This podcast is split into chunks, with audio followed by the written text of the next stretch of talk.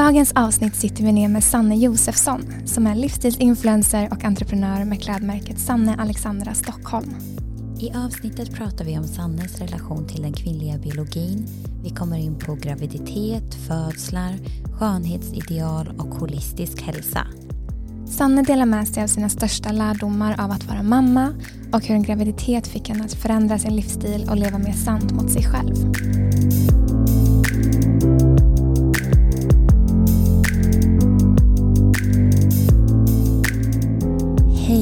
Och välkommen Sanne Josefsson. Tack snälla. Kul att ha dig här. Ja, det känns så fint att ha dig här. Jag är så glad att ni startar en podd.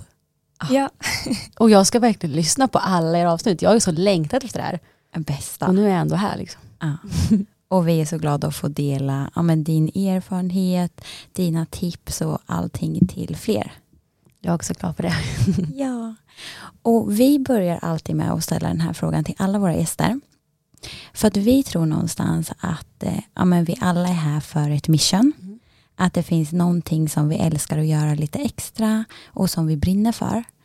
Vad skulle du säga är ditt mission, Sanne?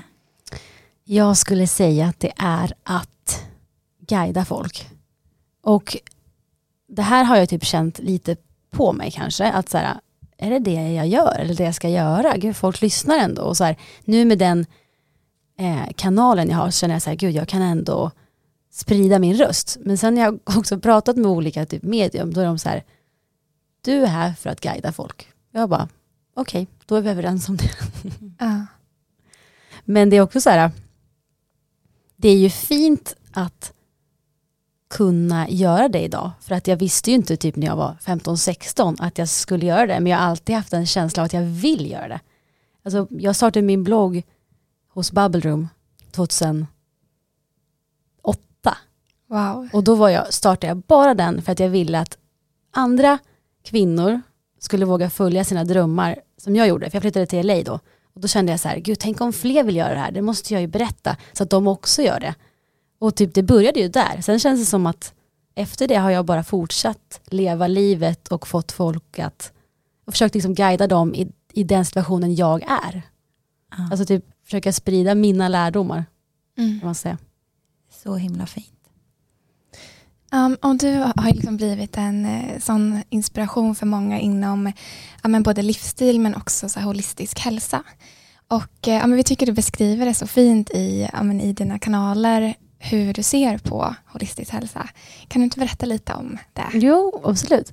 Alltså, det finns ju ett ord som är holistisk och holism betyder ju helhet. Och jag hade inte kanske hört ordet för några år sedan. Men när jag sprang på det här ordet så var jag så här, men gud det är ju precis det här jag alltid trott att allt hör ihop. Eh, och jag tror att det kommer från att jag har dansat hela livet. Alltså jag har alltid varit så inkännande i min kropp. Behöver jag sova, behöver jag vila, behöver jag träna, behöver jag äta. Ehm, och sen så liksom längs med livet så har jag insett att allting påverkar varann. Alltså alla aspekter. Så att en dålig relation, det kan ju liksom gå ut över jobb.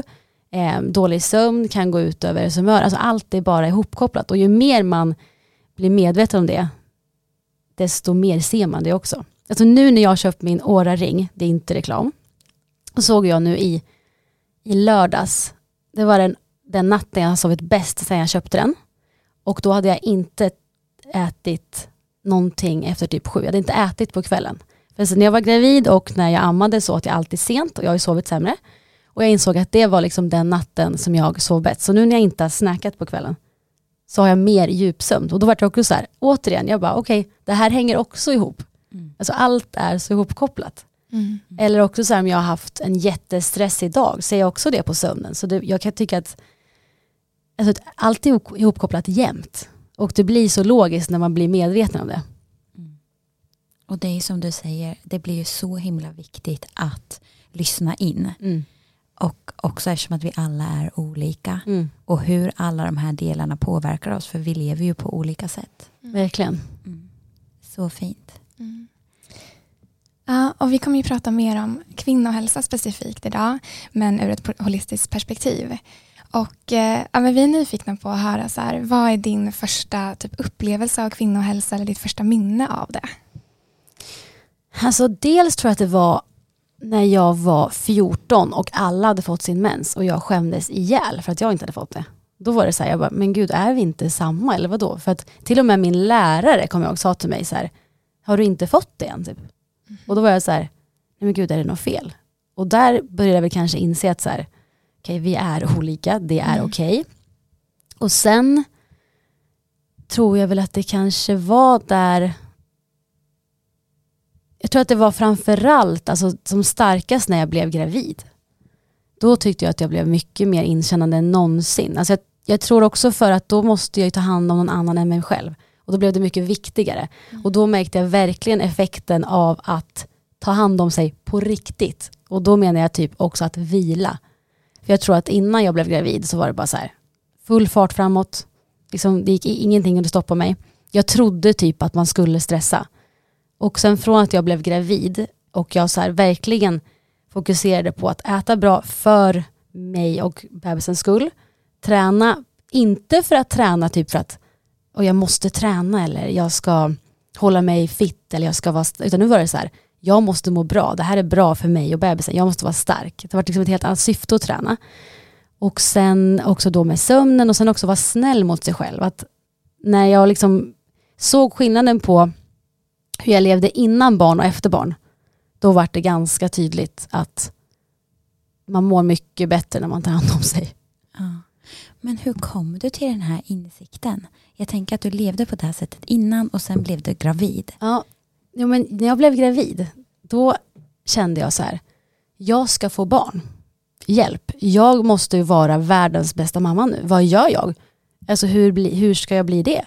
Och så kommer jag ihåg att jag hade träffat på en eh, livscoach som heter Filippa i olika sammanhang. Också så här, vi sågs lite överallt och vi sa så här, vi måste ju ändå köra någon session en gång, men vi kom aldrig till skott. Så när jag kom till Buffalo och var gravid med eh, vår son, vårt första barn, så var jag så här, ska jag kanske skriva till henne? Och jag insåg att om jag tar hand om mig nu och blir den bästa personen jag kan bli, kommer det gynna vårt barn. Så det var typ där jag bara, nu kör vi all in. Ta bort alla mina blockeringar, rädslor. Jag kan inte vara en mamma som ödslar energi på de här, de här grejerna. Jag kan inte stressa på det här sättet när jag får barn. Jag måste liksom få ordning på det här nu. Och det var ju, det var ju en game changer att börja jobba med sig själv. Men det var ju typ för Frans skull från början. Ja, Det är konstigt att man inte gör det för sig själv. ja. Men vad var det du började jobba med mer konkret? Liksom? Men jag insåg då att jag visste inte riktigt hur jag levde. Så att alltså när någon ställer frågan så här, eller då min coach då, hon var så här, okej, eh, varför festar du? Inte för att jag inte får, utan det var mer så här, ja varför festar jag? Hur mycket kan du dricka när du festar? Man bara, ja men några vodka Red Bull. Sen bara, okej, mår du bra då? Hur mår du efter?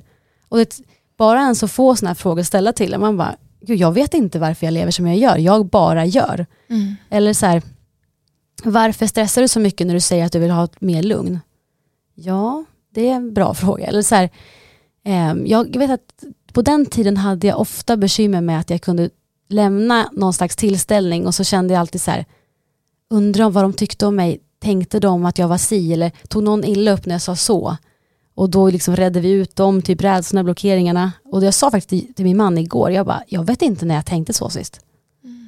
Så att det var ändå så här att hon ställde ju frågor som gjorde att jag hittade tillbaka till den jag är tror jag. För jag tänkte ju inte så som barn. Utan det, men hon ställde liksom frågor som gjorde att jag reflekterade över min livsstil och mitt liv. Och att typ så här, bara en sån sak som att jag alltid gick på AV. Jag tycker inte ens om att gå på AV. Men jag gjorde det för att alla andra gjorde det. För, för, mig att, för mig att efter jobb dricka alkohol, sen gå hem, det är typ den sämsta kombo för mig. Jag tycker det är värdelöst. Mm. och då var det så här, varför gör jag det? Varför gör jag så mycket saker som inte känns bra? Och varför gör jag mindre av det jag tycker känns bra? Det är en ganska så här intressant fråga. Verkligen. Och hur upplevde du själva graviditeten i kroppen? Alltså det, jag vet inte, det är ju någonting, det är alltså jag, sen jag blev gravid med Frans 2017, alltså det har ju hänt någonting med mig. Jag, det är ju så här, jag kan inte förklara, alltså graviditeter och födande, det finns inget som fascinerar mig så mycket. Och jag tror att man kommer kanske inte närmre det, vad ska man säga, typ universum på något vis. Alltså så här, vi, vi blir ju inte mer connectade med oss själva än att skapa ett barn i vår kropp. Alltså det kommer ett liv. Alltså det satte igång saker i mig som jag inte kan beskriva. Jag vart ju så här, det, det, är det, det är det coolaste som jag har varit med om. Och sen också att det ska komma ett liv till jorden från mig. Det är för mig är så här, jag kan inte beskriva det. Mm. Så att jag var ju, alltså, jag skulle gärna vara gravid många gånger till. Men jag måste ju bara förhandla med min man. Vad var det bästa med att vara gravid? För du har beskrivit mm. mycket, alltså att du gjorde de här livsstilsförändringarna, Exakt. så jag förstod att du fick en drivkraft. Men också just, det känns som att det hände mycket inom dig. Ja, alltså jag tror att, det, vet inte vad det, det är som att det vart ett kvitt, det vart som att det, min graviditet och förlossning blev som en spegelbild av hela mitt liv. För att det blev typ så här, plötsligt så var man också så här, bara tvungen att lita på livet, att du kan inte så kontrollera det, eh, livet kommer hända, saker kommer ske i din kropp, eh, du kan bara göra det bästa utav det, du kan ta hand om dig och andas med. Så du fick liksom börja lita på, jobba, alltså leva med naturen mer. Alltså att så här, det här kan du, det här kan din kropp. Oavsett vad liksom alla runt dig säger, tycker, tänker, så här, you got this. Och att släppa taget typ. Att bara lita på att så här, det här kan du. Och jag, det, det, är någonting som är speciellt med det här, för att jag har kommit på nu att just min graviditet och födsel, det är typ de gångerna jag aldrig har brytt mig om vad någon tycker och att jag har jätte, jätte självförtroende i det. Och det är nästan enda gången jag bara har släppt allt och litat på mig själv. Och inte tagit in några andras liksom, synpunkter. Är det alltså både i liksom hur man ska, alltså i själva födandet eller också som liksom, ja, men i mammarollen? Är det... Ja, både. Ja. Men när Frans väl kom ut, då fick jag ju också mig en läxa. För då började jag igen lyssna på alla andra. Och då tappade jag bort mig själv totalt igen. Alltså, alltså jag var inte alls lik mig. Och då fick jag liksom gå tillbaka till gravid-Sanne typ. Och då kom jag att jag sa till pappa så här, jag älskar att vara gravid. Han bara, men undrar varför? Och jag bara, jag kom på igen, jag bara, jo det är då jag lyssnar på mig själv.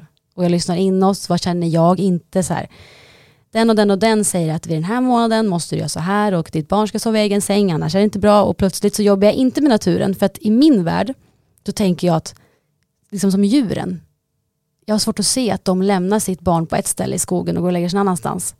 Så då vart det så här, när jag väl känner, när jag liksom väger in mina egna känslor, värderingar, tankar, då stämde inte det överens med allt det som många tyckte var rätt. Typ. Mm. Så det, ja. Och om du skulle ge, för jag kan ju tänka mig att det är vissa som är gravida eller kommer bli gravida som lyssnar. Om du fick ge dem ett tips, mm. vad skulle det vara? Att lyssna på sig själv. För att det finns så mycket teorier och illusioner av saker ska vara. Och jag tänker bara om man går tillbaka till min farmor när hon fick barn. Hon är ju liksom 75 nu. Men hon säger fortfarande att hon ångrar att hon lyssnade på sin barnsköterska då som sa du får inte ge din bebis mat mer än var fjärde timme. Alltså min farbror då skrek dygnet runt. Och han var alltid hungrig och hon säger nu så här varför lyssnade jag? Jag visste att det var fel. Mm. Så att när man vet det man vet och man verkligen går till sina egna värderingar och tänker på att så här, det är en planet, vi delar den med djuren, hur gör djuren, hur gör vi? Alltså, det är inte så komplicerat men många gör det väldigt komplicerat med olika metoder och bestämmelser. Du har ju pratat mycket om, om en, hur det har skett liksom förändringar i ditt inre men också att du har gjort liksom livsstilsförändringar. Har du känt någon förändring ja, men innan du var gravid och nu efteråt när det kommer mer till din kvinnliga biologi? Ja, alltså det känns ju som att jag är så mycket mer medveten nu än då. Alltså innan jag skulle bli gravid visste inte jag när jag hade ägglossning. Jag visste ingenting. Jag visste inte hur lång min cykel var. Så det var också ett wake-up call när jag fick barn. Att så här, varför har jag inte vetat det här? Och varför visste jag inte att det är olika för alla? Varför visste jag? Alltså, jag visste verkligen ingenting. Så nu efter så har jag ju varit så här, jag bara, nu måste jag ju känna in, jag måste ju känna min kropp, det här går ju inte, jag kan ju inte bara ignorera den. Liksom. Så Eh, det är jättestor skillnad från innan och nu. Nu vet jag exakt när jag är psyk, vart jag är i cykeln, när. Jag vet precis hur jag kommer vet du, känna kring vissa beslut, vissa tider i månaden. Jag vet också hur jag kommer känna, typ som igår hade jag plåtning, ägglossning kände jag kommer gå kanon. Wow. Så nu vet jag liksom. Och att då kan man typ så här, kliva ur sin kropp och titta på den att, så att det brinner lite extra i kroppen Mm. en viss dag. Då kan jag så här, försöka hoppa ur och se på kroppen och bara, du har lite PMS, ta det lugnt, vila. Ja. Och hur, på vilket sätt har du koll på, alltså så här, skriver du ner någonstans, har du någon, något, något sätt att tracka? Ja, men jag, har, jag följer liksom inte en app utifrån symptom, utan jag bara skriver i, nu har du mens igen. Och sen så har jag min ring nu, Åra-ring, jag säger inte att det är ett preventivmedel, men jag ser ju när jag har eh, förhöjd temperatur. Men sen märker jag också nu, sen jag, tack vare typ genikos, så vet jag också hur olika sekret ser ut, så jag kan ändå koppla det. Sen tycker jag också, jag känner i kroppen, alltså, jag vill ju alltid ha mycket fler barn under ägglossning. Och jag vet att en vecka innan mens, då kan jag känna mig lite orolig. Då känns liksom vissa beslut mycket jobbigare. Så vet jag att så här, landa, ge det två veckor, då kommer du se det klart igen. Men det är det som är så himla magiskt. Ja. Att vi är cykliska och när vi kan bli medvetna om det. Och jag, det, det, jag har lärt mig jättemycket från er bok och också när ni också tog upp månens faser. Jag bara, nej men jag blev så glad för jag är alltid i synk med månen Mm. och känner nästan alltid av. Alltså jag, jag, som, återigen, alla känner väl olika, men jag är en sån som just på fullmåne sover jag som en stock. Men veckan innan, och det är också oftast veckan innan jag har mens, då är det liksom mycket oro. Så jag är jätteglad över boken. Och också måste säga att boken var så sjuk på så sätt att när jag gick in i och läste er bok så var jag så här, ni beskrev vad som boostar hormonerna. Och jag har alltid haft, alltså, vad man säga, en, en bra menscykel och mått bra. Och jag bara, men gud jag äter ju så här. Mm. Jag bara, det kan inte vara en slump att jag har ätit så här typ jämt. Mm. Och då kände jag bara, ja men det är klart att det måste höra ihop. Ja. Och mer specifikt, vad äter du? Alltså så här, inte exakt, Nej, men nej. mer så här, vad boostar? Ja men typ, jag har alltid nästan känt så här, ja men 80-20 funkar bra för mig. Jag försöker få i mig det, bä- det bästa jag kan. Alltså 80%. Sen slarvar jag också för jag tycker att det är lite soft också. Men när jag och Jakob träffades 2000, vi var tillsammans 2015, han hade gått hos en dietist som hade förlorat sin fru i cancer och han ville gå in och veta vad är bäst för kroppen. Ehm, och den dietisten har typ samma tankesätt som ni och jag. Och det är ju att äta rent och liksom boosta med bra näringsrik mat, alltså fetter. Alltså, jag kommer ihåg redan när jag bodde i LA och dansade att vissa tjejer på lunchen, så här, när jag typ drog upp någon så här god sallad, körde på typ två avokado och de bara, åh nej, det är jättemycket kalorier. Jag bara, men alltså, ja, det finns ju bra och dåliga kalorier, men Mm nog om det. Så att försöker verkligen boosta kroppen med riktig mat som kommer från vår jord. Alltså jag äter ju hellre två ägg än en, en eh, kvargyoghurt. Liksom. Mm. Och jag älskar liksom, näringsrik mat och jag känner min kropp alltså, switchar direkt eh, om jag äter bra mat eller dålig mat. Det känner jag på en gång. Har du någonsin upplevt att dina hormoner har varit ur balans? Jätte. Alltså det är det här också att jag hittade Jenny Kos i samband med att jag mådde jättedåligt efter att jag hade fått frans. Och det var ganska logiskt för mig att jag fick frans, jag var så stressad, jag var typ halvt utbränd. Jag drack kaffe konstant för att jag var trött, också innan frukost tom mage, fick magsår. Jag åt massa skit för jag var ju jämt hungrig. Och jag sov svindåligt. Jag bara, jaha, hormonerna är ur balans. Vad konstigt. Alltså, så nu när jag fick Selma och inte levde så, Mm. ingen mensvärk. Så för mig var det så här, alltså on point. Mm. Alltså det var så när jag hittade Jenny Kos, jag bara, nej men gud hon skriver om, är det därför jag plötsligt fått för brutal mensvärk? För att när jag gick till min barnmorska sa hon så här, ja men hormonerna synkar inte efter gravid, eller graviditet förlossning. Och jag är ju så frågvis, jag bara, varför inte då? Hon bara, nej men de gör bara inte det. Jag bara, men vad är det som är off? Hur balanserar man dem? Ja, men vi sätter in hormonspiral. Jag bara, ja fast det kommer jag inte göra. Så fick jag liksom göra egen research och då tyckte jag så här, det Jenny skrev då i så här, de här alltså gemensamma nämnarna kan göra att dina hormoner blir liksom ur balans. Jag bara, ja på mig var det on point. Mm. Och jag testade nu efter Selma, eh, levde mycket, mycket lugnare, åt mycket bättre, försökte vila mer, för det kan ju vara svårt att få in sömnen. Drack mindre kaffe, inte alls samma. Så jag bara, ja, det var, det var inte en slump för mig Nej. i alla fall. Ja, vad häftigt också att ha två olika graviditeter och verkligen kunna jämföra. Ja, Det blir verkligen. så sjukt tydligt. Och också så här, det var konstigt för att alltså hon dök ju upp precis i rätt tidpunkt och det var det, det här med att guida. När jag hamnade där, då var jag på en resa och då började jag fråga mina följare så här, hur känner ni? Och då plötsligt var de i samma båt och så gör man liksom, man typ testar grejer ihop. Liksom, det är jättecoolt. Mm. Men nu vet jag i alla fall hur min kropp funkar. Det, det var ju trevligt att få veta det när man är 32. Ja men verkligen. Och vad skulle du säga, alltså med tanke på att du ändå satt in i kvinnohälsa och testat mycket ja, men senaste åren. Vad skulle du säga att ja, men du har upptäckt när det kommer till just menscykeln som har fått dig att liksom uppnå ytterligare en dimension av hälsa? Jag tror att det är återhämtning. Jag tror att det känns som att det är full fart framåt jämt och att så här, bara för att du tränar mycket och har ett sexpack betyder inte att du är hälsosam utan det är så mycket mer än det. Och jag försöker också så här tänka tillbaka typ på, säg när jag var som mest tränad så här. Försöker jag kom, komma ihåg så här, hur mådde jag då? Nej det var ju inte så här något, något liksom mirakulöst, bara åh, allt sken. Utan det handlar ju verkligen inte om det. Det handlar om hur vi mår i kroppen. Så jag tror att återhämtningen i det här stressiga samhället tror jag är typ en, det tror jag är nästan den största, alltså den viktigaste grejen för oss. Vi, vi, kan, vi är inte skapta för att stressa så här och vara uppkopplade så här. Det känner jag på mig själv också. Alltså om jag lever lite för hektiskt så märker jag det ganska snabbt. Mm. Och vad är ditt bästa tips för återhämtning? För jag kan ju tänka mig att det är så många som känner igen sig i det här, inklusive oss.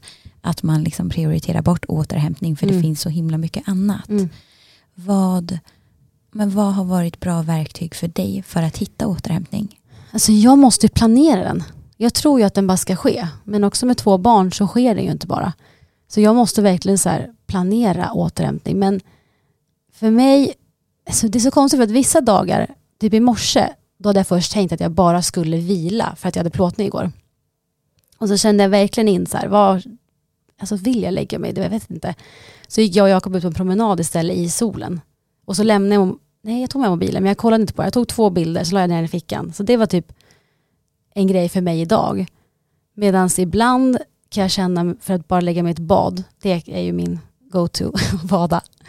Och ibland är det bara att ligga i ett rum och göra ingenting. Ibland kan det också vara så här, jag försöker ju oftast att typ vid sju, åtta så ska jag inte kolla mig på telefon. Helst sju. Jag får en påminnelse från min den här åraringen Klockan 19.00 så bara, ingen mer mobil. Då blir jag ändå påmind. Ibland kan det också vara bara att typ lägga sig i sängen tidigare bara. Och ibland kan det vara att sätta på musik och dansa lite, typ för sig själv. Alltså jag, jag har massa olika sätt att återhämta mig på beroende på hur trött jag är. Ibland är det att ta en nap, det är väldigt sällan jag näpar. Men det kan vara verkligen allt från att typ ta en promenad till att ligga still och meditera. Sen, ibland är också träningen någon slags återhämtning. En lugn träning kan också ge mig någon slags återhämtning. I alla fall i hjärnan. Typ ett yogapass kan vara riktigt skönt. Men att, att prioritera och planera, för att det händer ju inte alltid att man gör det annars. Det här avsnittet är sponsrat av Wear Labs. Och eh, det Wear Labs är är en typ av hälsokontroll där man mäter sina värden genom ett blodprov. Mm. Och jag älskar hur WeLabs beskriver att de tror att människor med rätt kunskap kan påverka sin hälsa genom livsstil. Och det här är ju exakt i alignment med Women's Sync och ja, men vad vi står för. Ja, verkligen. För deras mission är någonstans att hjälpa människor att få koll på ja, hur ens kropp mår på insidan. Ja. Och både du och jag Sara har ju gjort WeLabs hälsokontroll XL plus. Och innan vi bestämde oss för att ta just det här testet så bollade vi jättemycket med en av våra experter, Maria, om vilket test vi skulle ta. Men till slut så landade vi i ja, men hälsokontroll XL+. Mm. Och anledningen till att vi tog just det här testet är för att det är väldigt omfattande och har 43 olika hälsomarkörer som checkar status på allt ifrån sköldkörtel, hjärt och kärlsjukdomar, diabetes och viktiga vitaminer och mineraler kopplade till menscykeln som B-vitamin, järn, magnesium och D-vitamin. Ja, och de här markörerna är ju lika viktiga för vår allmänna hälsa som för ja, vår fertilitet med tanke på att de här är ju så nära sammankopplade. Mm. Och för min del så har det handlat väldigt mycket om att ja, men jag vill kunna förebygga och se att allting ser bra ut när det kommer till allt ifrån just näringsstatus, sköldkörtel men också bara så här hälsa överlag. Ja, och det har ju egentligen ja, varit exakt samma sak för mig.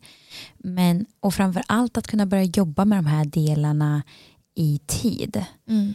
Eh, och jag gjorde mitt test i maj eh, och där visade bland annat att jag hade ja, väldigt låga värden på just järn trots att jag tog tillskott. Så efter att jag gjorde testet så gjorde jag flera förändringar i min kost. Eh, och förändringarna jag gjorde var egentligen att få i mig mer järn via maten jag äter för att ja, men helt enkelt kunna stötta kroppen ytterligare för att kunna höja mina järndepåer. Mm. Och det bästa med just testning är att man ser ja, svart på vitt hur kroppen mår på det inre. För många sjukdomar verkar ju tysta, så det här är ett sätt att istället kunna uppmärksamma om man har riskfaktorer tidigt så att man kan förebygga för sjukdomar ja, som annars kanske dyker upp senare i livet. Men någonting som också är så, så bra med det här testet är ju att man kan optimera kroppen för ja, att ha en så balanserad menscykel som möjligt och eh, optimera för graviditet eller sånt. Precis. Så hur man går tillväga är egentligen att man beställer testet direkt på nätet eh, och sen så gör man ja, själva blodprovet på ett provtagningsställe. Så i Stockholm exempelvis så fanns det jättemånga olika att välja på. Sen så går man bara dit och ja, men det här var ju typ klart på tio minuter. Mm, det gick jättesmidigt. Och från det att man har gjort själva testet så får man provsvaren inom 48 timmar. Och I de här provsvaren så får man kommentarer från en läkare och sen en sammanfattning i slutet på vad testet visade. Vilket ja, men, ger liksom en bra eh, överblick för det kan vara ganska svårt att förstå vad markörerna visar annars. Ja, och vi tycker att WearLabs är en fantastisk tjänst eh, och har ju själva använt den innan vi ja, valde att göra det här samarbetet tillsammans med dem. Och vi är så himla glada att vi har förmånen att dela en rabattkod med er som vi önskar att vi hade haft när vi beställde de här testerna. Så använd rabattkoden WomenSync eh, i ett ord med små bokstäver för 10% rabatt. Tack Wearlabs. I det här avsnittet är vi sponsrade av Stronger för en gångs skull så sitter ju vi i samma outfit Sara och det hör ju verkligen inte till vanligheterna. Nej, det gör det verkligen inte. Jag är ju lite mer ja, men sporty och chill av mig. Och jag brukar klä mig lite mer dressat. Men det bästa är att Strongers kläder är ju så pass stil stilrena att man kan ha deras tights med en kavaj och typ ett par kängor och det känns ändå väldigt så här casual, snyggt dressat. Ja, verkligen. Du är pang snygg idag. Och alltså Stronger är ju mitt to go to när det kommer till träningskläder. Jag har ju hur mycket som helst. Och ja, men en sak som jag verkligen älskar med Stronger är att deras tights är långa. För jag, nu ser ju inte ni det, men jag har ju rätt långa ben. Och förut när jag köpte tight så var, var de alltid för korta, men de här är verkligen perfekta. Och sen måste jag verkligen tipsa om mitt favoritlinne som jag, alltså jag tycker alla ska investera i det här. Både jag och min mamma har köpt flera stycken för att ja, men vi har använt det här i flera år och vi vill inte att det ska ta slut eller utgå från sortimentet och det är linnet som heter Hero. Den modellen är helt magisk. Mm, och jag har ju mitt favoritset som är eh, Embrace-sättet som heter Seamless. Och alltså jag lever ju det här, det jag har haft det i flera år i ja, men massa olika färger. Jag köper bara tillsättet i nya färger hela tiden. Eh, och nu har jag det i den här jättefina bruna höstiga färgen. Och ja, men det jag älskar med deras eh, träningskläder, speciellt det här sättet, är att de är verkligen inte genomskinliga. Utan det är lite tjockare material som är superskönt. Och man vet att ingenting syns igenom när man till exempel böjer sig ner eller blir svettig. Så att man känner sig verkligen så här trygg och väldigt fin liksom, samtidigt. Mm. Och det är så viktigt när man är och tränar. Och det som symboliserar Stronger är ju de här ja, två ränderna som är på låret eller på armen. Och det kanske många inte vet är att det står för inre och yttre styrka. Och att ja, men någonstans att för oss alla så börjar vår resa genom att hitta kraften som finns inom oss. Och det är genom den här styrkan som vi hittar i oss själva som vi kan bygga upp oss själva men också skapa en stark och hållbar livsstil som vi verkligen älskar. Mm. Alltså det är så fint och vi älskar ju det här eftersom att det är helt i alignment med Women's Inc. Så i och med samarbetet med Stronger så har vi en rabattkod till er. Och eh, då är det bara att uppge koden WomenSync med små bokstäver så får ni 20% rabatt på deras eh, sortiment på strongerlabel.com. Och erbjudandet gäller från och med nu och en månad framåt. Tack så mycket Stronger. Och du, du har varit inne ganska mycket på hur du har förändrats sedan du blev mamma. Vad skulle du säga är din största lärdom av att ja, men vara just mamma? Men det är nog att det är så konstigt att man inte, eller att jag då, kanske inte hade mer alltså självrespekt innan. Varför behövdes det en person som det skulle appliceras på för att jag skulle fatta att så här, alla mina val går ut över mina barn? Att det, det, var så svårt innan barn att ta sig tiden till sig själv och tycka att man är så viktig.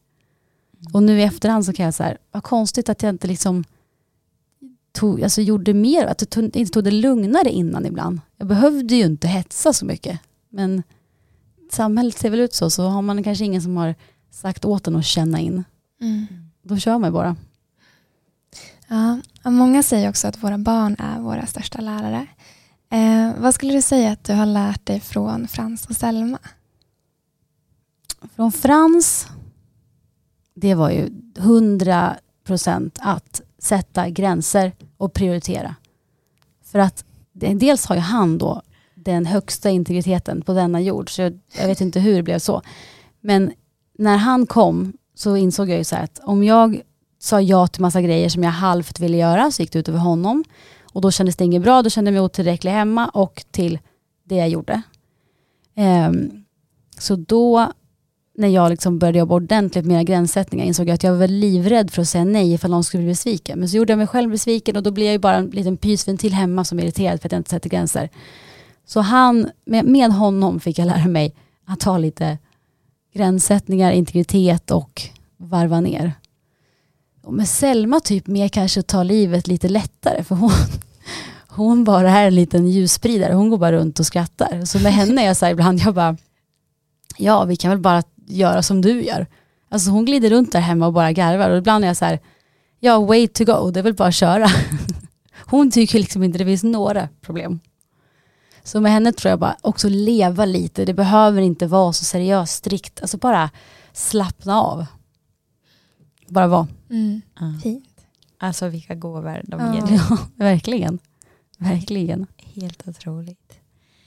Och vi vet ju också att du har pratat mycket om att ja, men du är intresserad av att utbilda dig till doula. Mm. Alltså, berätta mer. Vi är så nyfikna. Men det var också så här, i USA, gravid med Frans 2017. Eh, en läkare säger till mig, vi hade superbra försäkring eftersom att Jakob spelade hockey där, så hade vi någon så här toppförsäkring för att de skadade sig en del. Och då såg ju såklart då läkarna att här har vi jättebra försäkring. Eh, och så äh, uh, berättade de för mig i vecka 20 att så här, Frans förstår du är för liten, du kommer inte kunna föda honom, du behöver oss. Så att i vecka 37 så snittar vi det eller sätter igång dig. Eh, det löser vi åt dig typ. Och jag vart här, det låter jättekonstigt. I min app stod det så här, eh, alla barn är lika stora just nu i magen. Men det är typ efter vecka 20 de ändras. Så jag bara, gud kan de säga så nu? Och sen så sa en fru till en kille Jakobs lag att hon skulle ha en dola och jag bara, dola, typ vad är det? Började googla, hitta någon på nätet i Buffalo som jag kände bara så här, när jag såg henne på bild, jag bara, henne ska jag träffa. Så jag träffar då en doula som heter Rebecka och vi träffas i hennes lila hus. och hon eh, eh, har så här magisk energi och Frans bara sparkar som en dåre när där. Jag bara, äh, det här måste vara ett sign typ. Och hon börjar så här, hon bara, jaha, har läkarna sagt att du inte kan föda? Hon bara, ja ja. Ja men det är en trend typ. Så, här. så skickade hon en artikel från New York Times där det var så här, en trend att säga att barnet är för stort för då kan ju de bestämma så här, den här dagen gör vi det här. För att vi säger att du har 60 patienter på en månad. Då har du ju inte tid att en kvinna ligger där så länge. Och så var hon så här, hon bara, du borde se Business of being born på YouTube. Så såg jag den och då såg jag också att så här, de här tiderna snittas oftast kvinnor för att då ska folk gå hem. Och, vet, så här, och jag bara, nej men alltså vad är det här? Oj. Så den här dolan bara, Sanne, allt är normalt, liksom, vi kör, det går bra. Hon bara, jag kan hitta en barnmorska till dig. Så hittade hon en barnmorska. Så hette barnmorskans företag Fika Midwifery. Och jag bara, it's a sign. så dolan var ju ett sånt stöd för mig. Alltså, jag tror många tror att en dola tar över partners jobb, men jag skulle säga att dolan visar partnern vad den ska göra. För att hur ska en man veta vad den ska göra? Jag, jag tycker alltid jag hör att kvinnan är så här, han hade ingen aning vad han på med och killen bara, jag visste inte vad jag skulle göra. Nej, för hur ska du veta vad du ska göra? Så dolan började vi träffa i vecka kanske, jag vet inte om jag var vecka typ 28. Hon kom och gav mig gravidmassage.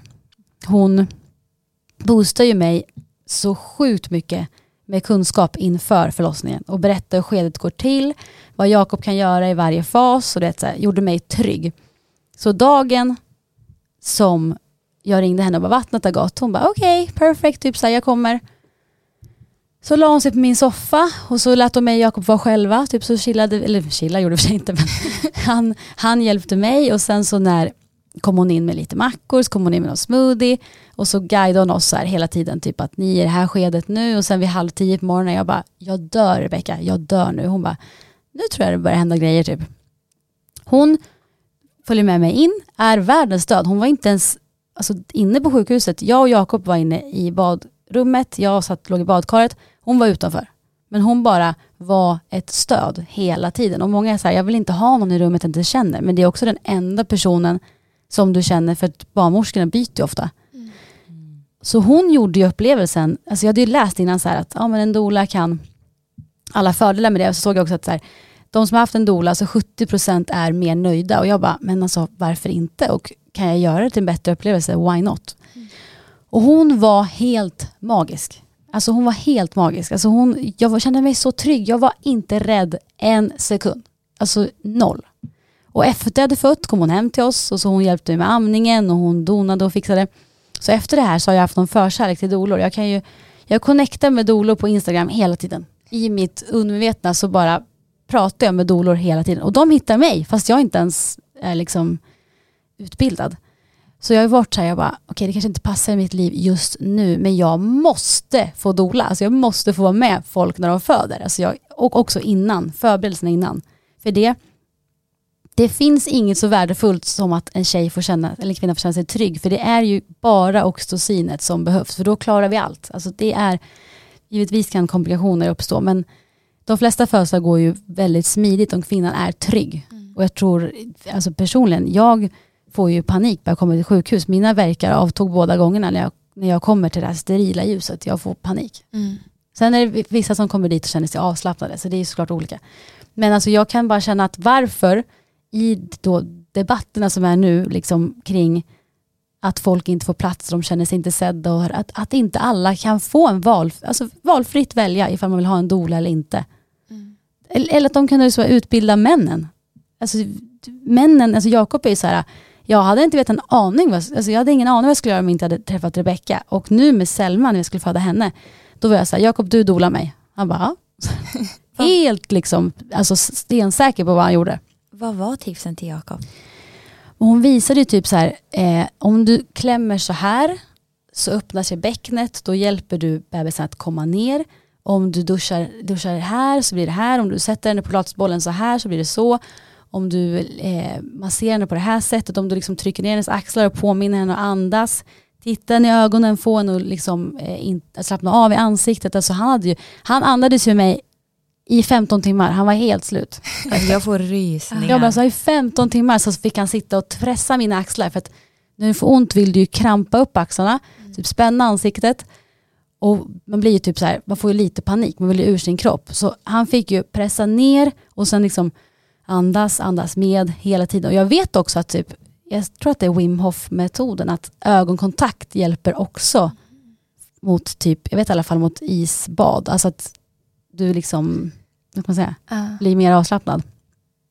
Så det var så här, jag bara, jag kan inte, jag blir ledsen över att alla inte får den upplevelsen. Och jag skulle vilja att fler fick det, för jag känner också folk som har fött barn, som har känt att det var ett helvete och sen har de gjort alla de här förberedelserna eller haft med en dola och så var de så här, det var, det var som dag och natt.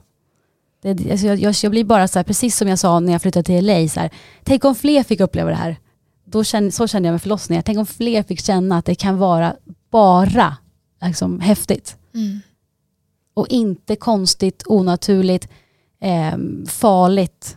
Liksom. Ja. Vad önskar du eh, ja, men att du hade vetat, alltså med den kunskapen du har nu när du skulle föda, vad kan du ge för tips till de som kommer att göra det i framtiden? De mest kraftfulla Ja, det, är tipsen. så, det är så lätt att säga liksom, lita på kroppen och lita på att den kan det, för det, det kanske är svårt att applicera, men jag tror att man skulle behöva eh, varje person har säkert olika sätt kring vad som gör en lugn. Och det finns ju vissa som kanske så här, mår bra av att typ dansa och sjunga och vissa kanske skulle få panik av det. Så att man, man innan förbereder sig via då kanske gravidyoga eller vad det kan vara så här, hur hittar jag mitt lugn? Alltså hur går jag in i mig själv? För att det är ju typ det du behöver göra. Du behöver ju släppa taget och andas igenom smärtan. Och så här, hur hittar jag lugnet? För så fort du får panik så gör det ondare, det blir värre, det kan stanna upp. Så hur liksom hittar jag lugnet? För jag, jag tror många tänker så här, men jag åker bara dit så löser det sig. Så jag tror så här, kontrollera det du kan. Alltså, det går inte att kontrollera ett helt förlopp, du vet inte vad som kommer hända. Och du har hjälp på plats på sjukhuset. Men alltså kunskapen och typ stödet känns som A och O tycker jag. Alltså verkligen kunskapen också. Många vill inte läsa sig till men jag tror att det är, jag tror inte att det kan förstöra någonting. Jag tror bara det kan hjälpa. Att du kanske känner så här, vi säger att du får panik av smärta, så känner du så här, okej jag fattar, min kropp håller på att hjälper mig få ut mitt barn. Det är inte farlig smärta, smärtan är inte farlig. Alltså bara att veta, jag hade så här mantran, att jag sa till Jakob, du måste säga till mig, det är inte farligt Sanne, det är inte farligt. För man känner ju bara panik när det gör ont. Mm. För det är inte farligt. Liksom, det är verkligen inte det. Vilket tips. Mm. Ja, verkligen. Han kan få börja, han kanske ska dola. Vi får göra det tillsammans. Ja, vi dolar gruppen, Ja. dolar paret. Alltså riktar han in sig till männen. Ja, Det är perfekt. jag vet. Ja, det skulle behövas. Ja, Och Jakob säger till alltså, nästan varje man som är så här, ja, gud jag ska på förlossning nu, så läskigt. Jakob bara, men alltså titta om du får chansen. Och vet, varenda man var, ska jag titta? Och tjejerna bara, "Äh, vadå titta? Och Jakob bara, det finns inget coolare. Mm. Han är ju all for it, bara ta emot om det är så, hjälp till. Mäktigt. För det är, Ja. det är så coolt, ditt barn kommer till jorden. Ja. Mm. Eh, jag tänker på alltså så här, det större perspektivet med liksom samhället vi lever i och att så här, vi lever i en ganska ytlig värld. Och ja, men du som person och dina kanaler, att du är så duktig på att vara så autentisk och genuin och visa så många sidor hos dig själv. Eh, när det kommer till ja, men saker som åldrande och utseende, prestation, hur jobbar du med de bitarna? Och hur påverkas du av liksom, samhället och alla de här idealen vi lever i? Ja, Men dels tror jag att jag, alltså jag har nog alltid haft alltså ganska mycket självrespekt i att så här, vara snäll mot mig själv. Kanske inte då med stress, men när det kommer typ till utseende tror jag ändå att jag har varit ganska så här, schysst mot mig själv. Och jag vet att jag, jag förstår hur många kanske tappar bort sig i den världen. För att typ då när jag hade fått frans och mådde som sämst, då kunde jag ändå, kommer jag ihåg hur jag så här, stod och tittade i spegeln och bara, men gud mina bröst är så förändrade. Och jag tyckte också många i min, den branschen jag är i, eller också den värld, typ Stockholms innerstad, jag tyckte ofta det var så här, ja men gud det är ju bara att fixa nu när du fått barn. Det var liksom en så här, det är bara, det är bara att fixa dem. Och jag kommer ihåg att det kom ändå till mig att jag bara, bara fixa, aha. och så kommer jag ihåg att jag stod och tittade och så här, gud vad obekväm med mina nya bröst typ. Alltså då efter att ammat. Och så kom jag till, till slut så kommer jag ihåg att det bara blev någon så här knäpp. Jag bara, nej men Sanne, du står ju och tittar på dig själv och säger så här, nu duger inte du. Jag bara, nu får du rycka upp dig, du kan inte stå här och tycka att du inte duger. Liksom. Vem, vem, vem är så? Och när jag började må bättre så försvann ju de här eh, fixidéerna. Alltså ju, mer, ju bättre jag mår desto mindre fixidéer känner jag att jag har. Så nu, typ för någon vecka sedan så hörde jag massa prata om massa, alla dessa injektioner man kan göra. Och det kan man ju göra. Men jag kom på då också så att när jag lämnade den liksom, tillställningen, jag bara okej, okay, jag fattar att man är ung och känner så här då att gud, borde jag också göra någonting? För det slog ändå mig då igen så här, nej men gud, vad är det man ska göra? Har jag missat något? Hur ser jag ut då? Och sen så då, återigen, bli medveten, bara komma tillbaka till mig själv. Det kommer inte förändra något. Alltså jag kommer inte må bättre av att göra om mig själv. Och jag vet inte, men det känns också som i min bransch att någon måste ju stå kvar och bara vara. Och jag tror att det är det också så här, det var ju ganska, det var ju ett tag sedan som jag började typ våga vara mig själv i min kanal. För först var det så här, på Instagram tar man outfits och man visar upp sitt perfekta liv typ. Och jag hakade på det här och sen så kände jag mig helt förvirrad i det och var så här till Jakob, jag bara, jag kommer nog delita min Instagram typ. Han bara, men det är ju dina kunder till dina kläder. Jag bara, ja men det känns skit typ. Men sen så plötsligt var jag så här, eller ska jag bara vara mer jag då? Och då kom det att vissa satte sig på tvären som jag jobbade ihop med som var så här, du måste ha ett perfekt flöde. Och jag bara, fast det är ju inte jag. Jag kan ju inte, jag kan ju inte vara någon jag inte är. Och ju mer mig själv jag blev i mina kanaler, desto mer uppskattades det. Så till slut vart jag så här, eller så är jag bara mig själv. Och då också känns det som att det är så, så värdefullt för att en sån basic sak kan ju göra att andra kan skriva till mig så här, åh vad skönt att se att du lägger upp dig själv osminkad utan filter, då, då känner jag att jag också duger. Och man bara, är det så illa nu? Att man inte ens tror man duger på det sättet. Och sen har jag också blivit, sen jag fick Selma så här, jag vill ju vara en bra förebild för båda och jag säger absolut inte att man inte är en bra förebild för att man ändrar sitt utseende. Men jag vet inte hur jag ska kunna motivera det för henne. Alltså jag har ändå kommit på att så här, vad ska jag säga? Om hon frågar mig sen så här, varför har du gjort det här och det här? Ska jag säga då så här, jo för att jag tyckte inte att jag dög. Eller jag vet inte, jag, jag, jag bara kan inte hitta ett svar till vad jag skulle säga till henne. Så därför känner jag att jag kan inte göra något sånt. Plus att också så här, jag som också är väldigt så holistisk i mitt tänk, jag vet inte heller vad saker gör i min kropp.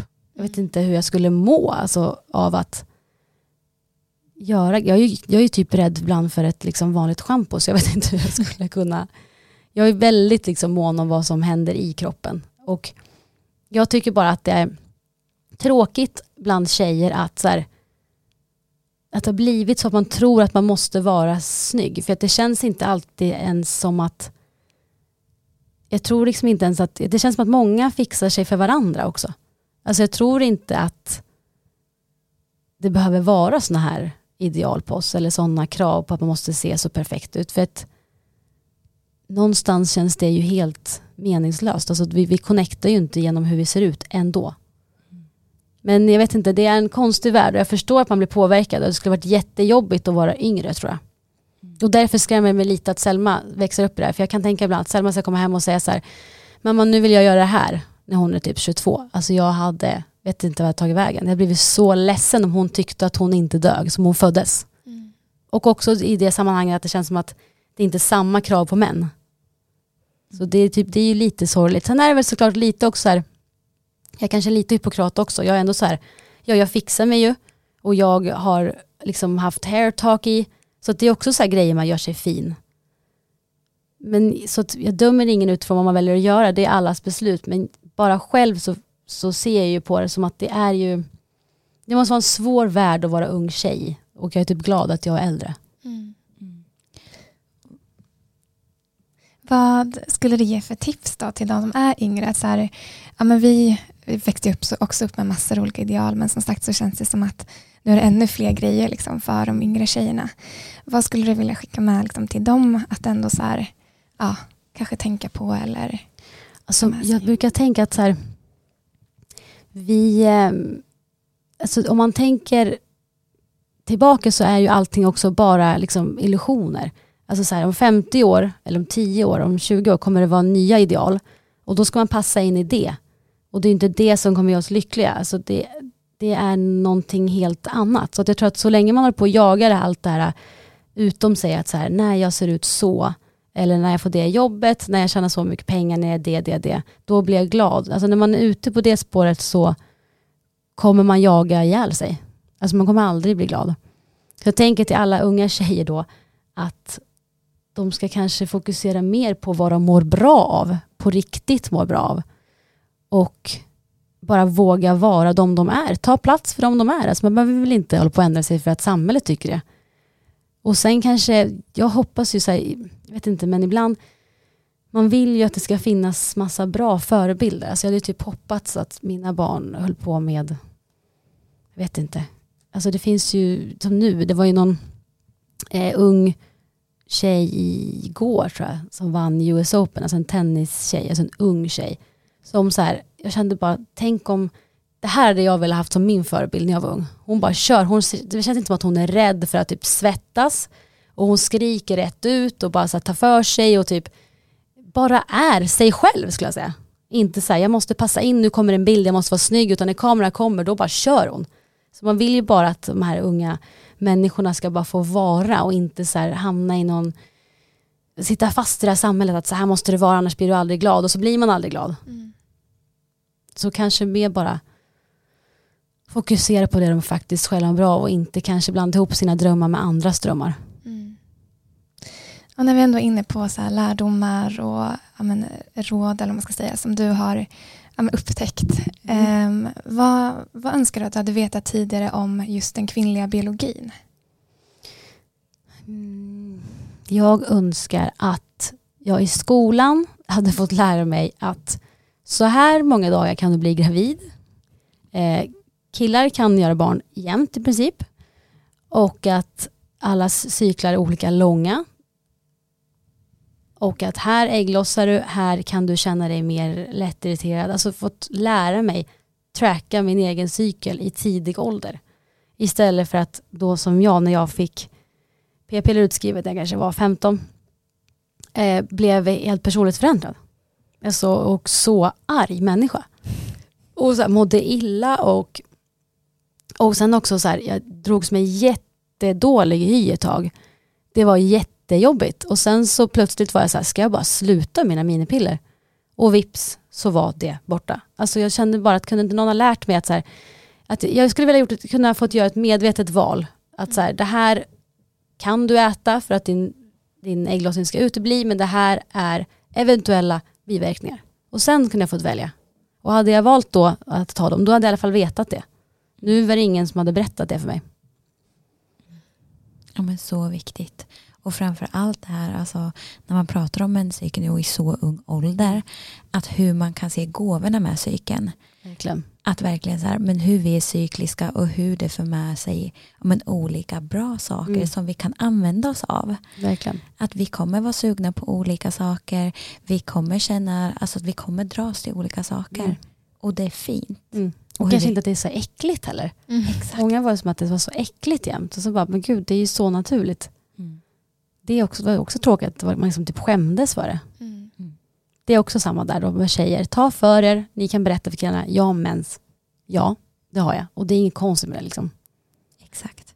Så viktigt. Verkligen. Um, du brukar också prata om amen, tron på någonting större och eh, amen, du pratar en del om spiritualitet och de bitarna. Eh, kan inte du berätta lite mer om det? Jo, alltså det är också så här så konstigt på så sätt att det känns som att det har legat bara naturligt hos mig jämt.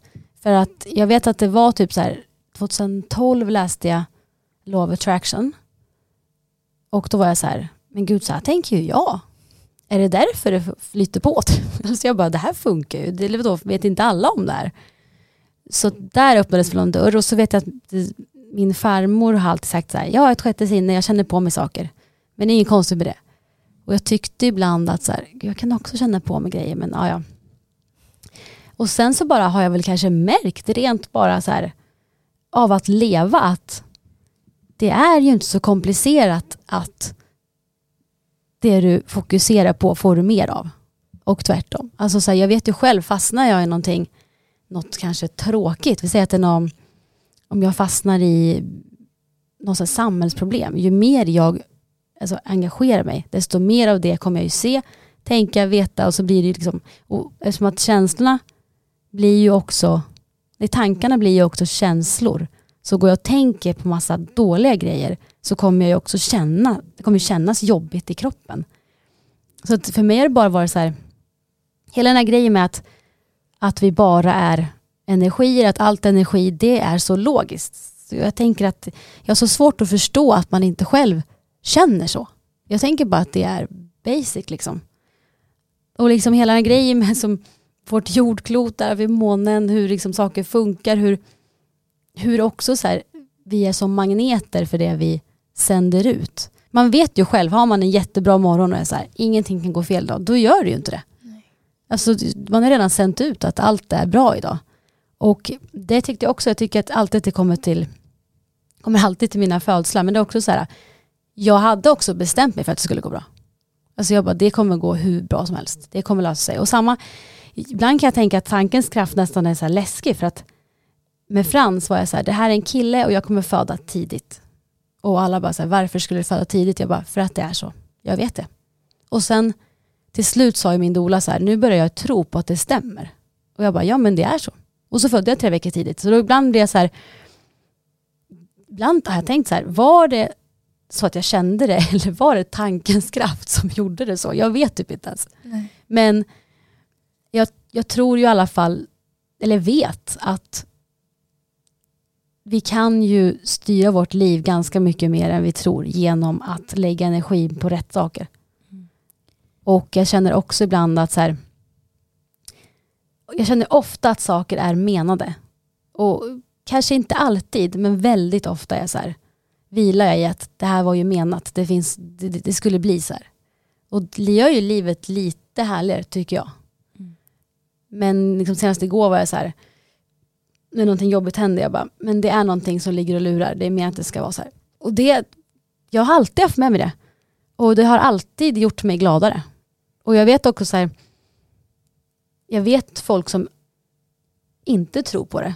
Och de är kanske oftast inte lika glada.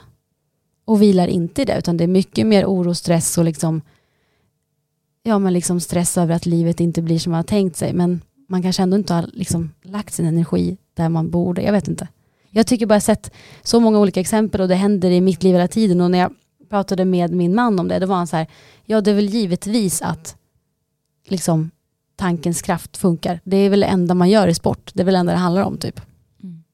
Men jag vet inte, för mig är det bara så här, vi är alla connectade och vi delar den här planeten med djur och liksom annat. Och om det är som bara typ ekosystemet, allt måste funka. Dör det ena ut funkar inte det andra, det är precis som med oss. Jag tycker bara att det finns något så mycket större än att än liksom bara det som vi är inlärda till. Att, till den här världen. På något vis. Mm. Och hur skulle du säga att det här är kopplat till hälsa för dig? Jo men i att man liksom lever med naturen. Skulle jag nog säga. Att så här, man kan ofta typ inspireras av typ djuren. Jag tänker också så här, ibland typ när det kommer till hälsa, att här, vi, had, vi har ju liksom en planet som är skapad för oss och det fanns ju mat som vi kunde äta på planeten för att vi skulle överleva. Och samma för djuren, för det finns ett ekosystem. Och så brukar ibland säga, det är inte så komplicerat saker. Eh, och vi behöver kanske egentligen inte så mycket. Och att så här, jag vet inte, det, det, är ju ett sånt modernt samhälle som det känns som att folk mår sämre och sämre fast vi har det bättre och bättre och det måste ju ändå betyda något att vi lever fel. Och också så här, om man skulle typ ta en ko säger vi och plötsligt bara nu ska du äta de här grejerna som är framställda i ett labb och bara dricka Cola Zero så är det svårt att se att den skulle inte ha problem. Typ. Mm. Och jag tänker där utifrån liksom vårt samtal vi har haft nu mm det känns som att du har en väldigt stark intuition. Att alla de här händelserna som har varit i ditt liv, till exempel ja, men när du skulle sluta med p-piller, mm. när du blev gravid och du gjorde de här förändringarna under dina födslar, att det har funnits ja, men en väldigt stark intuition som du har kunnat lyssna på, mm. som har väglett dig. Jag tänker att om det är några som lyssnar nu som kanske inte känner den där intuitionen lika starkt utan Mm. man kanske är mer i huvudet, blockeringar, rädslor. Har du något tips på hur de kan hitta tillbaka till den? Ja, men jag har försökt tänka på vad det, vad det är som har gjort att jag har känt mig så connectad och jag tror typ att det har gjort, haft att göra med dansen för att dansen är ju typ meditativ. Dels så utbringar det ju jättemycket oxytocin och sen så är du bara i ditt huvud typ. Och jag tror att det har gjort att jag ofta har känt in. Så jag tänker att hitta de här stunderna där du alltså stillar sinnet på något sätt. Och det är inte kanske då att kolla på tv eller mobilen. Utan vi säger att du målar, ritar, skriver, dansar, tar ett bad. Alltså hitta de här grejerna. För att det är ju i det lugna och det tysta som oftast vi känner in. Det, det, vi gör ju inte annars. Alltså jag, jag hade några veckor nu där jag var som en, alltså jag var rabiat och bara sökte svar på att bli knäpp. Och sen till slut så jag visste ju någonstans att du behöver bara landa för det kommer komma till dig. Och det var inte förrän jag hamnade liksom i lugnet, i stillheten, då reder det ut sig själv oftast. Alltså då vet jag till slut vad jag vill. Så att jag tror för alla då som har svårt att känna in, det är verkligen i de sammanhang där du verkligen kan stilla sinnet, ta det lugnt, vad det nu än är du gör. Så värdefullt. Mm. Ja, nu har vi faktiskt kommit till de avslutande frågorna. Och eh, ja, men Den första frågan är om du fick bara välja ett livsmedel eller ingrediens som du inte kan leva utan. Vilken skulle det vara? Oj, oj, oj, vad svårt. Ett livsmedel. Skulle det kanske bli ägg? Då är vi samma. Är det sant? Nej men alltså jag äter ägg jämt. Hon med. Ja, men alltså, jag, ja men alltså lite kanske chiliflakes på. Nej men alltså ägg, absolut. Mm. Det går att göra så himla mycket med. Ja, det är mycket som helst. Så jag åt vet det, bananröra i morse men igår åt jag stekt ägg. Alltså jag älskar ägg. Och om du fick tipsa om en enda bok, vilken skulle det vara?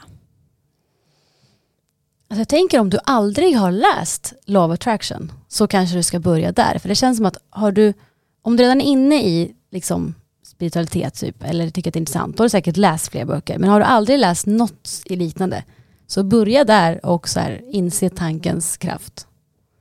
Men om du kanske är lite inne i redan, ja, vilken tycker jag då? Så jag tycker Gabby Bernsteins alla böcker är bra. Men vet ni, jag skulle själv börja läsa lite mer nu. Nu när barnen är lite större. Ja, härligt. Och eh, du nämnde det här innan lite grann kring återhämtning och har gett massor med bra tips. Men om du ska sammanfatta ditt bästa go-to när det kommer till återhämtning. För mig är det 100% att lägga mig i ett bad. Men det kanske inte är för alla. Men alltså för mig, det utbringar också oxytocin. Och man blir lugn och man blir trött. Och ibland kan jag känna så här, nu blev jag så trött så att jag kan typ inte vara uppe mer. Men då är det så här, ja du kanske är så trött så att du kanske borde gå och lägga dig. Men för mig bad och annars skulle jag nog säga typ en promenad, alltså ut i naturen. Bara känn, jag brukar bara titta på så här, olika träd, rötter, hur det funkar. Alltså de står ju för att de lever, hur, liksom, hur allt är. Jag bara sug in, släpp telefon. Lyssna och lukta och liksom bara vara där. Så bra tips. Och om du fick ge dig själv ett tips till ditt 16-åriga jag, vad skulle det vara? 16-åriga, okej då dansade jag fortfarande. Men jag var kanske i och för sig lite osäker. Ja, men alltså, gör inte allt bara för andra. Du behöver inte plisa alla runt omkring dig jämt. Du kan också tänka på dig själv. Det är inte fult att tänka på sig själv. För där var jag och snurrade runt. Mm. Ja, men så värdefullt. Verkligen. Alltså, jag har haft så många rysningar i det här samtalet och typ lite så här fått tårar i ögonen. sant? Vilket är så här, ja, men ett tecken. Så ja, men det har varit så himla fint att lyssna och eh, att du har delat med dig. Tack för det att jag fick komma. Jag är verkligen Tusen tack. ärad att få komma. Det har varit så, så fint och inspirerande. Tack snälla. Tack snälla.